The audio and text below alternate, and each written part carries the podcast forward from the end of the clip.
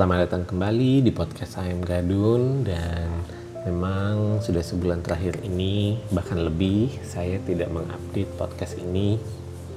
Karena dalam sebulan terakhir ini saya banyak belajar lewat buku, banyak membaca buku, beberapa buku lewat video-video yang berhubungan dengan spiritual. Bukan tentang satu agama tertentu tapi yang berhubungan dengan spiritual. Tujuannya apa? Tujuannya untuk mengisi waktu saya yang banyak ini dengan hal-hal yang buat saya pribadi itu lebih berguna. Nah, pada waktu saya belajar ini saya banyak belajar tentang yang namanya tentang melepaskan. Tujuan melepaskan adalah untuk mendapatkan kebebasan atau kemerdekaan. Jujur, sebelum pandemi ini terjadi, saya tipikal orang yang selalu mengejar, mengejar, mengejar, mengejar, dan mengejar. Ada sedikit ambisi yang menguasai diri saya. Saya harus punya ini, saya harus punya itu, saya harus begini, saya harus begitu, saya harus bikin ini, saya harus bikin itu semuanya kayak begitu. Nah sebulan dua bulan terakhir ini saya banyak belajar untuk melepaskan. Melepaskan bukan berarti membuang semuanya tetapi bagaimana melepaskan untuk mendapatkan kebebasan. Bagaimana untuk mendapatkan kemerdekaan. Kemerdekaan terhadap apa? Kemerdekaan terhadap diri saya. Kemerdekaan atau kebebasan diri saya dari yang namanya hal-hal yang sebenarnya tidak perlu untuk saya kejar. Makin ke sini akhirnya makin saya menyadari bahwa kita sebagai manusia harus bisa merelakan.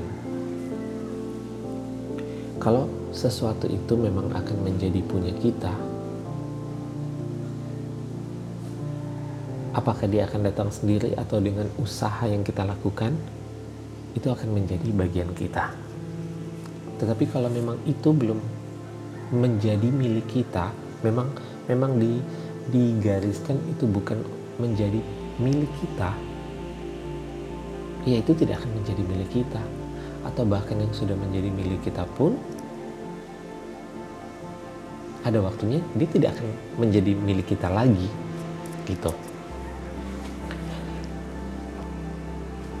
dari sini saya banyak belajar tentang bagaimana saya melepas ego saya.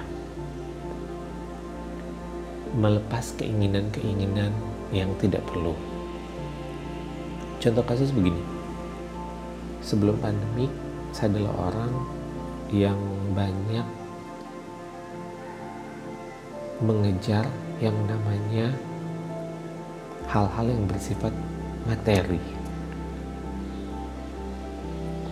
sampai di satu titik sekarang ini saya tiba-tiba merasa bahwa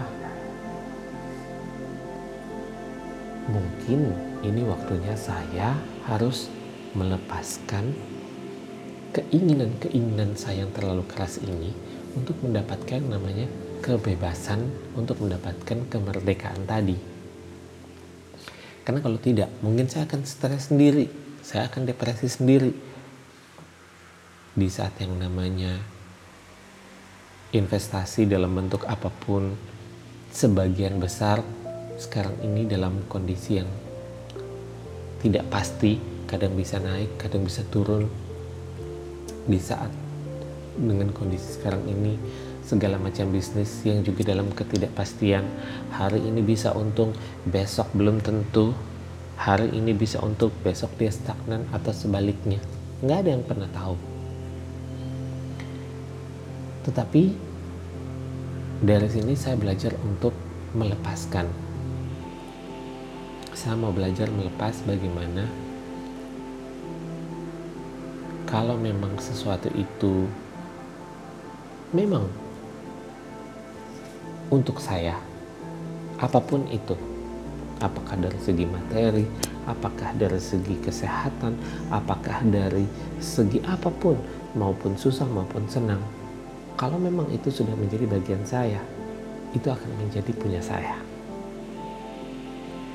Kalau memang tidak menjadi punya saya, kalau memang bukan milik saya, apa pun itu, dia pasti akan pergi, dia pasti akan hilang dari saya. Atau bahkan dia tidak akan datang kepada saya. Gitu.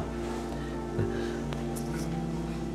bukan hanya hal yang berbau positif. Misalnya kita selalu menganggap kalau rezeki harta benda itu adalah segala sesuatu yang berbau positif. Sementara kalau misalnya kita menderita satu penyakit atau apa itu akan menjadi hal yang negatif. Bukan juga. Tetapi dari sini saya belajar apa pun itu sama aja. Contohnya gini waktu saya mengalami yang namanya sakit pinggang.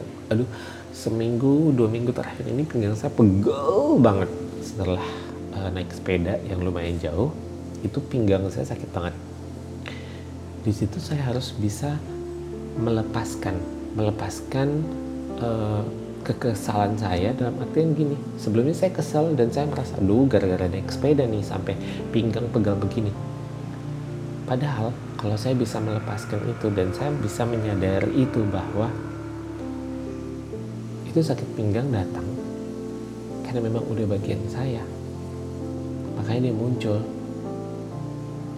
Toh buktinya orang lain yang naik sepeda lebih jauh dari saya. Nggak kenapa-kenapa tuh pinggangnya? Nggak ada tuh yang rasa sakit pinggang. Ya karena memang bukan bagian mereka untuk menerima itu. Ya sudah. Ya memang bagian saya harus saya belajar terima. Yang memang bukan bagian saya direlakan dilepaskan. Kayak gitu. Nah hal-hal untuk melepaskan pikiran-pikiran yang mengganggu pikiran-pikiran yang terlalu menggerogoti keinginan hal uh, meng, mengganggu batin kita ini yang sedang saya pelajari. Memang mungkin terdengarnya agak agak berat ya tapi mungkin setelah kita memasuki usia 40-an ini banyak merenung, banyak membaca, banyak uh, belajar tentang hal-hal yang berbau-bau spiritual dan segala macamnya mungkin akan lebih mengerti kenapa bisa menjadi seperti ini kenapa saya bisa berubah drastis seperti ini. Yang tadinya dulu saya tipikal orang yang bisa dibilang super rame super nggak pedulian sekarang menjadi lebih peduli. Ada lagi misalnya pada waktu kita merasa bahwa bisnis misalnya lagi lesu dan kita kepikiran sampai nggak tahu mau gimana gitu loh. Pada waktu saya belajar untuk melepaskan pikiran-pikiran ini dengan cara menyadari keadaan yang memang sedang terjadi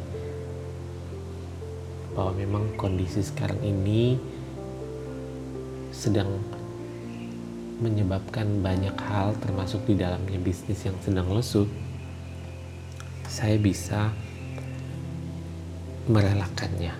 Saya bisa melepaskan keinginan-keinginan saya yang terlalu keras. Dan percaya atau tidak, setelah saya bisa melepaskan semua hal-hal ini, sedikit demi sedikit ya, tidak instan. Saya bisa tidur dengan sangat-sangat-sangat nyenyak dan saya cuma bisa bilang gini kenapa saya memikirkan hal-hal yang kebangetan-kebangetan banget ya sampai kadang malam jadi susah tidur. Padahal kalau dipikir-pikir lihat aja begitu kita bangun pagi duduk di halaman saya sambil lihat ikan-ikan di kolam ikan saya berenang begitu bebas ke sana kemari. Seolah-olah tidak ada beban. Kemudian anjing-anjing saya mereka bermain ke sana kemari. Seolah-olah tidak ada beban. Kalau mereka lagi pengen ngerusakin tanaman dikit-dikit ya mereka rusakin.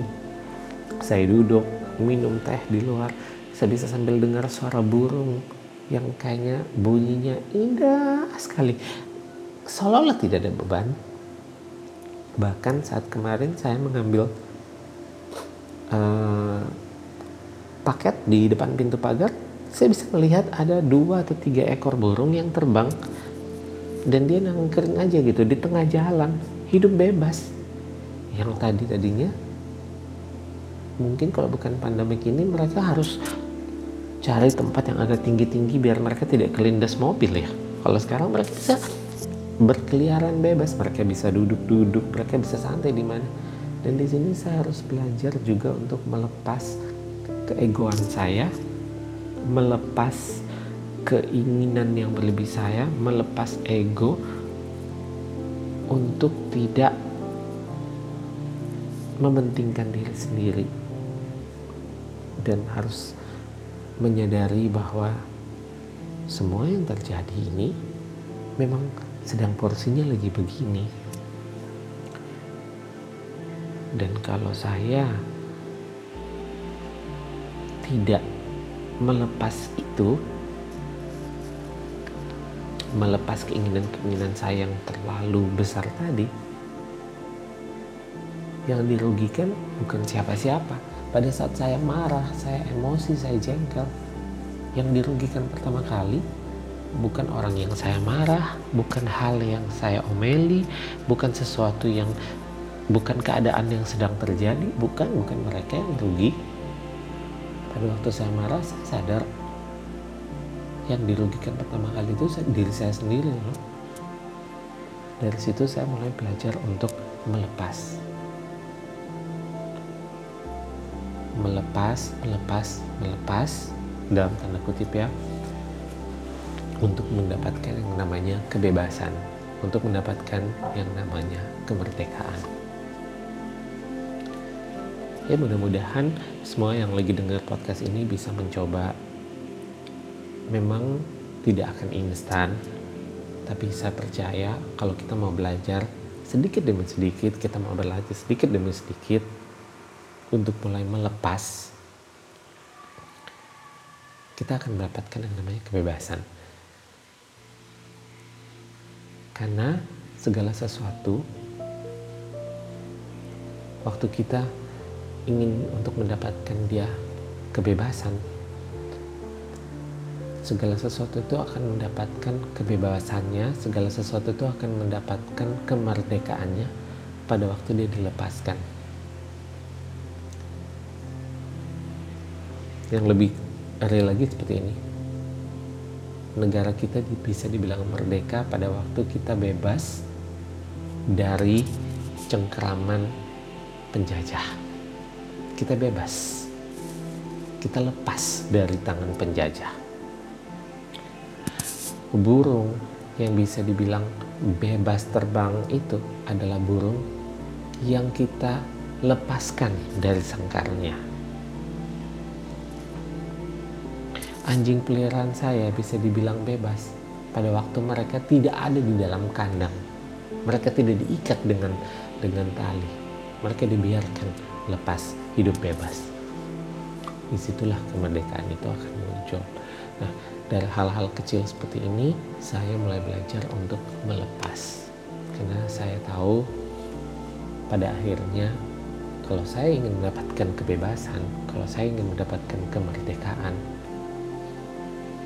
caranya cuma satu melepas termasuk di dalamnya keinginan. Pada waktu saya menginginkan sesuatu yang berlebih saya sedang terikat dengan hal itu. Saya sedang terkungkung dengan hal itu. Tetapi pada waktu saya mulai belajar untuk melepaskan keinginan itu saya akan mendapatkan kebebasan saya. Saya akan mendapatkan kemerdekaan saya